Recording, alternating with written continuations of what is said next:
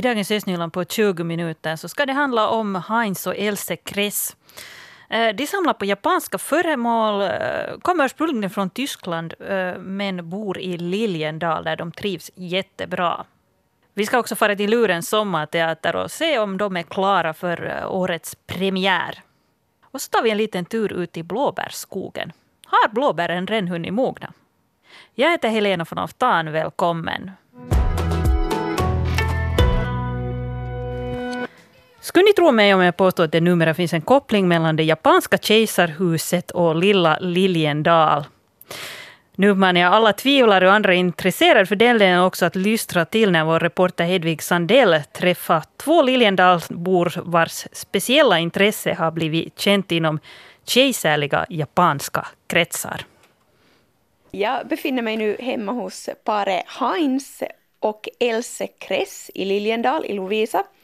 De kommer ursprungligen från Rurområdet i Tyskland men har bott i Liljendal sedan 1979.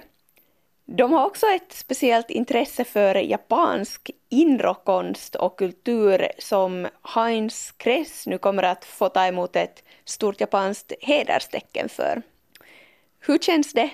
Lite konstigt, man är ja nog inte van att få en dekoration, eh, kallas det på engelska. Ja. Hur stort är det här? Jag vet inte, ganska stort egentligen. Alltså man, det är nog inte dagligen att man får sådant.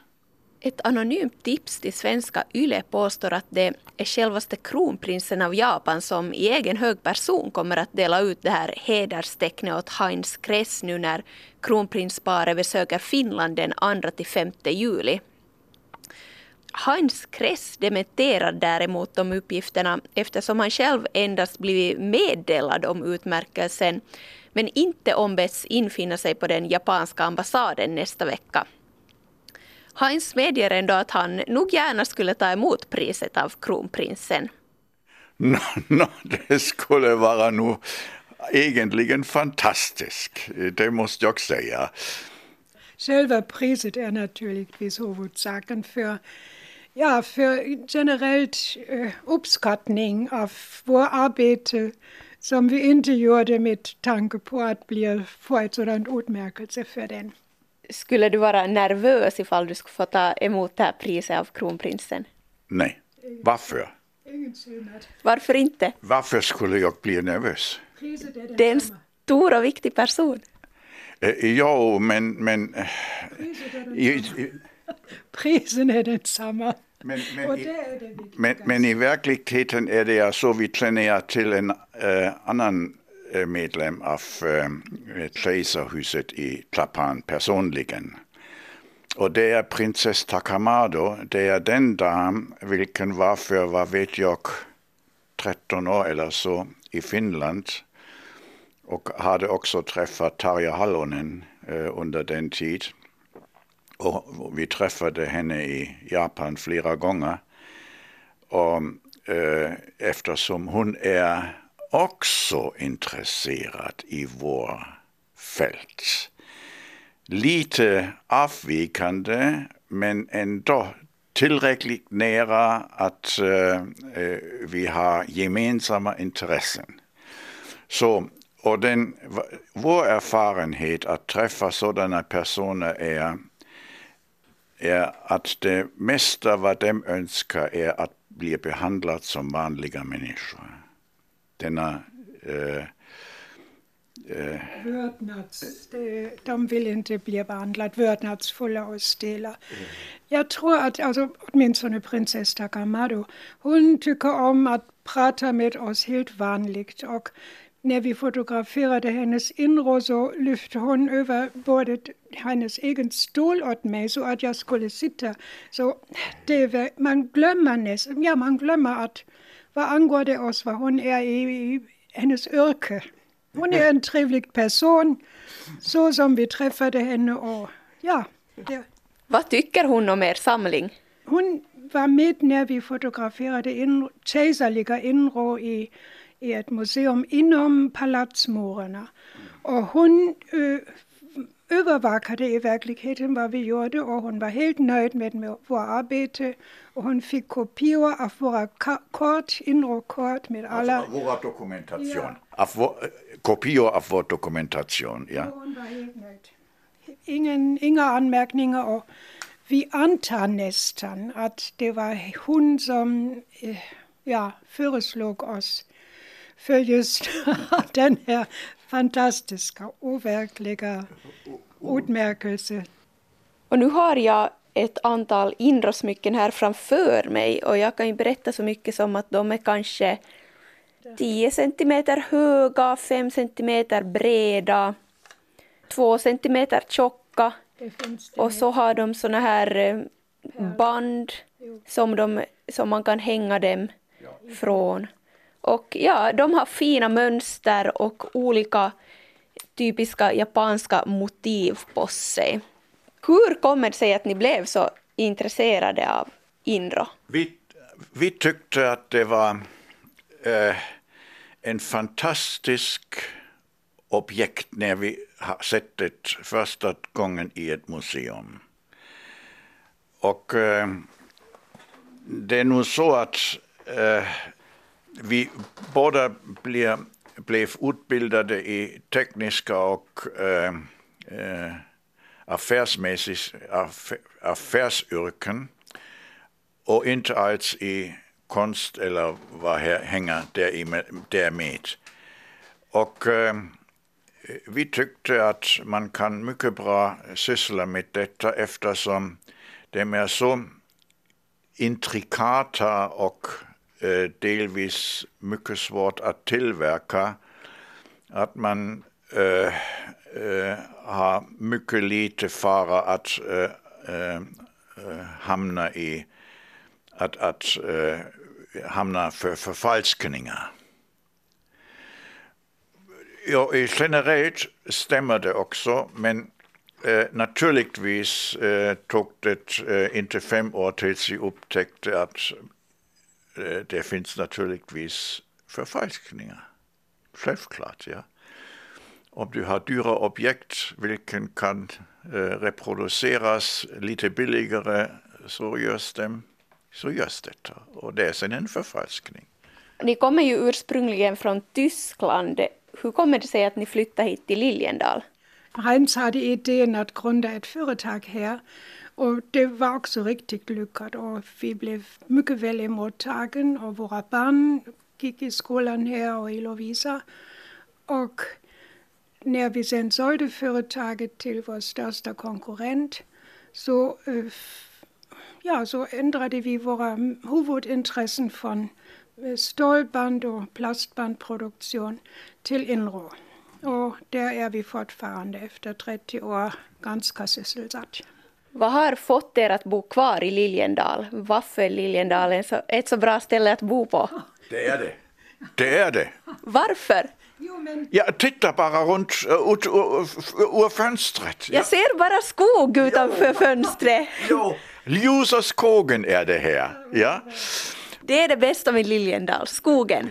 Eh, eh, och om, om människor och omgivningen och allt vad det renhet, det är, allt är det rent är det, ja. Alltså luften är fantastisk.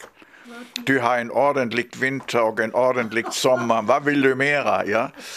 Eh, du behöver inte eh, svettas i 40 grader plus. Det räcker här i Finland med 30 grader. Det är mycket bra. Ja. Och I vinter får du garanterat en gång per vinter minus 20. Eh, det är också bra att eh, småkryp dör i hårda frosten. Ja. Det är helt enkelt komplett här i Liljendal. Ja.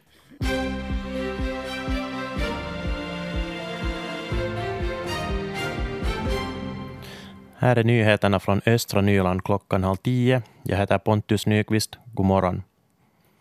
Borgå stads försök att göra cyklandet säkrare i centrum har inte kommit igång ännu. Cykelförsöket gäller cykelfickor i tre korsningar i centrum. Därtill, därtill ska cyklisterna på Ågatan styras från den stenlagda gången till Körgatan. Trafikingenjör Hanna-Lina Varis säger att planeringen är klar, men att staden nu väntar på att målaren ska ha tid att måla körfilerna. Hon hoppas att målarbetet kommer igång senast nästa vecka. Och Borgå stad har sålt fastigheten där teater i Soittorasia är verksam. Teaterns framtid är således säkrad. Verksamheten hotar att upphöra i slutet av juni då hyreskontraktet skulle upphöra. Detta på grund av att Borgå stad ville sälja fastigheten. Nu köper Harry Kokkomäki fastigheten för 180 000 euro. Köpet slutförs i mitten av juli. Hovrätten har sänkt straffet för den borgobördiga polisen Mikael Runeberg som var inblandad i Ariarnio-härvan. Till skillnad från tingsrätten ansåg hovrätten att det inte har kunnat bevisas att Runeberg har känt till Arnios planer på att sätta käppar i hjulen för centralkriminalpolisens utredning. Hovrätten anser alltså att han inte har gjort sig skyldig till brott mot tjänsteplikt eftersom han bara följt sin chefs instruktioner. Hovrätten sänkte hans tre och ett halvt år långa fängelsestraff till ett bötesstraff. Böterna anses ändå redan vara betalda eftersom han satt fängslad under förundersökningen. Dessutom häver hovrätten beslutet att ta Mikael Runeberg ur tjänst. Och den 52-åriga kvinna som försvann från sitt hem i Valkom den 20 juni har hittats. I tisdags efterlyste polisen observationer om den försvunna kvinnan. Nu meddelar polisen att man har hittat henne i gott skick på onsdagen. Kvinnan hittades i Sibbo efter ett tips från allmänheten. Och KSF Media säljer tidningen Lovisan Sanomat och Pyttisbladet till Keskisuomalainen-koncernen. Köpet fastställs den sista augusti i år.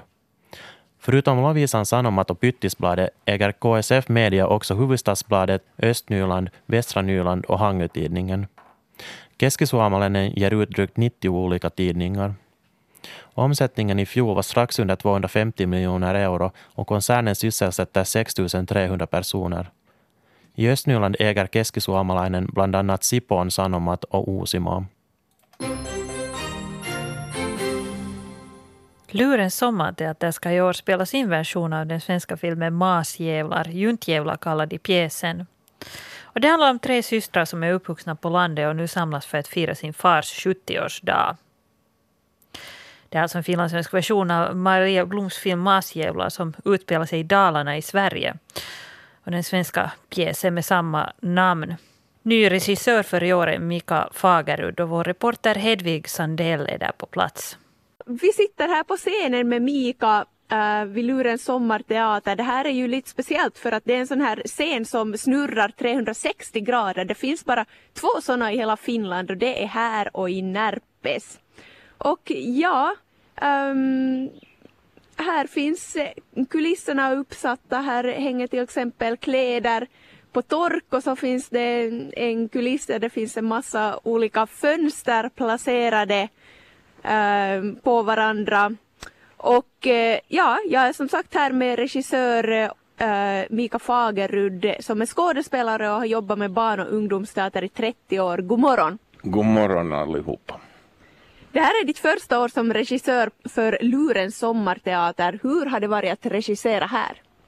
Det har varit skönt, lugnt, roligt.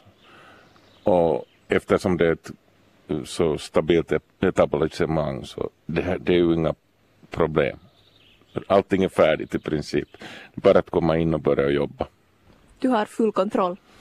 Ja, det, de har. Vi har. Ja, vi har full kontroll. Mm. Och du har alltså bearbetat den här kända pjäsen Masjävlar som är en svensk eh, pjäs.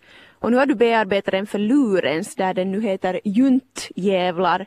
På vilket sätt har du skrivit om den här pjäsen för att den ska passa i Svenskfinland och i Lovisa?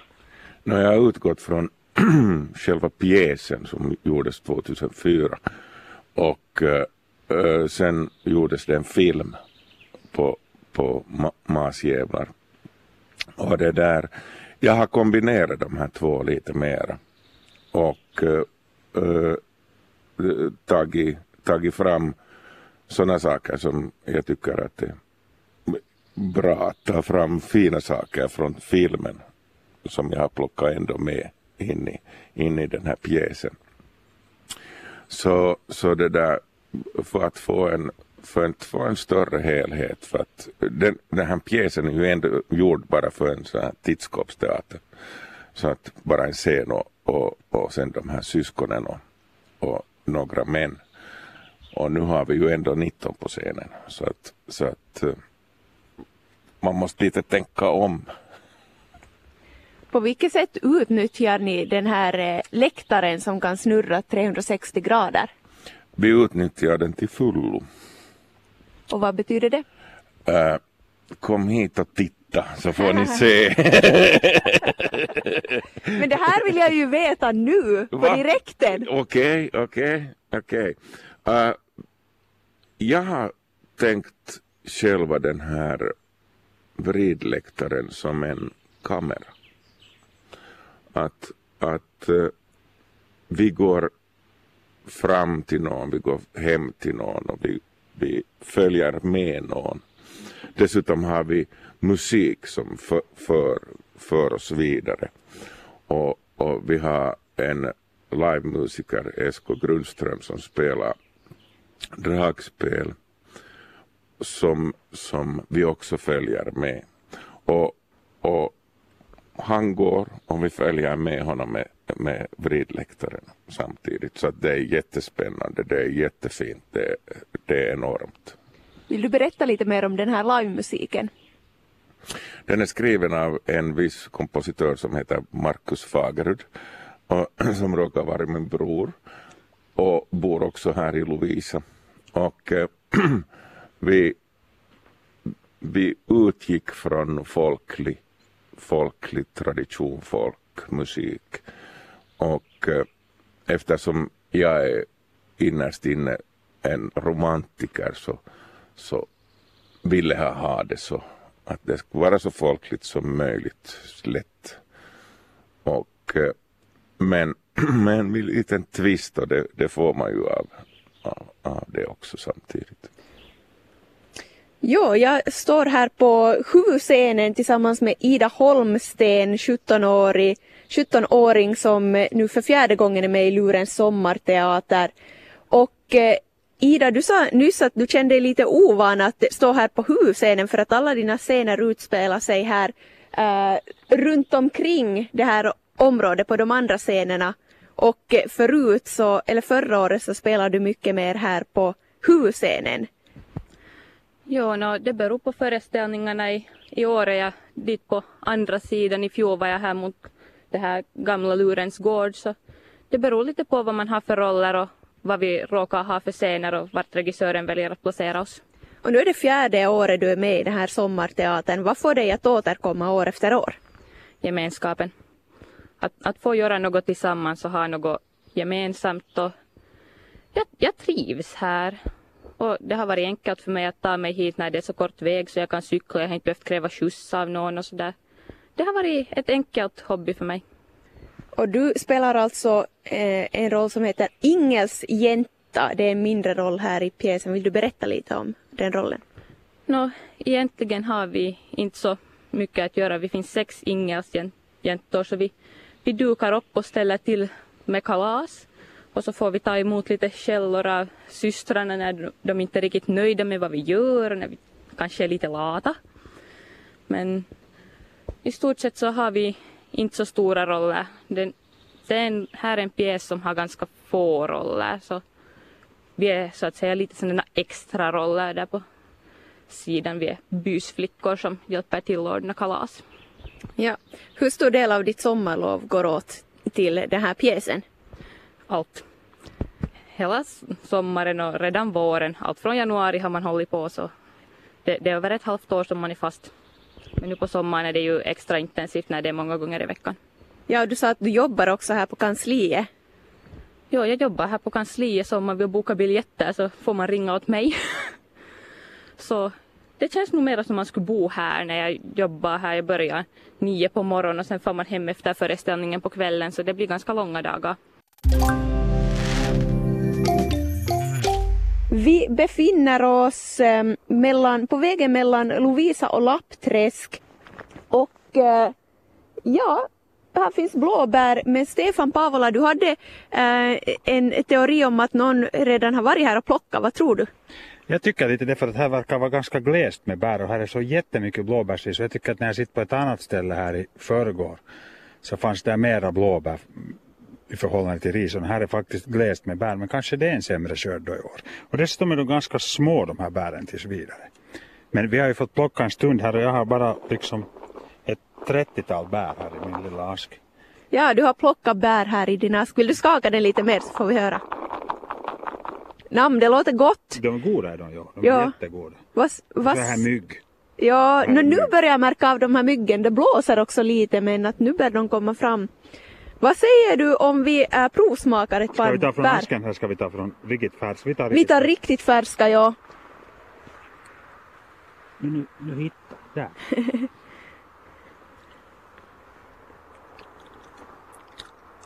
Mitt var lite surt men det ska vara lite tycker jag, så det är lite surt så är det bra. No. Gott, jättegott. Ja, mitt är också lite surt. Det, de skulle kunna vara lite godare ännu tycker jag. Mm, kanske mogna lite till och bli lite större. Dit är jag ser ett ganska stort bit. Jag ska prova det om det är bättre. Vi ska se, här finns nu ett stort bär som Paavo fått testa på. Och jättefint väder, det är som Thomas Ledin säger, inte ett moln så långt ögat kan nå. Det är det. Hur smakar det? Det var bättre det här betyder, det var riktigt gott. Så man ska ta de där större. Ja. Mm. Okej. Ja, no, men som sagt så verkar det redan finnas gott om blåbär redan nu i slutet av juni och jag tror att vi fortsätter äta här en stund. Östnyland på 20 minuter är en Svenska Yle podcast. Jag heter Elena von Oftan.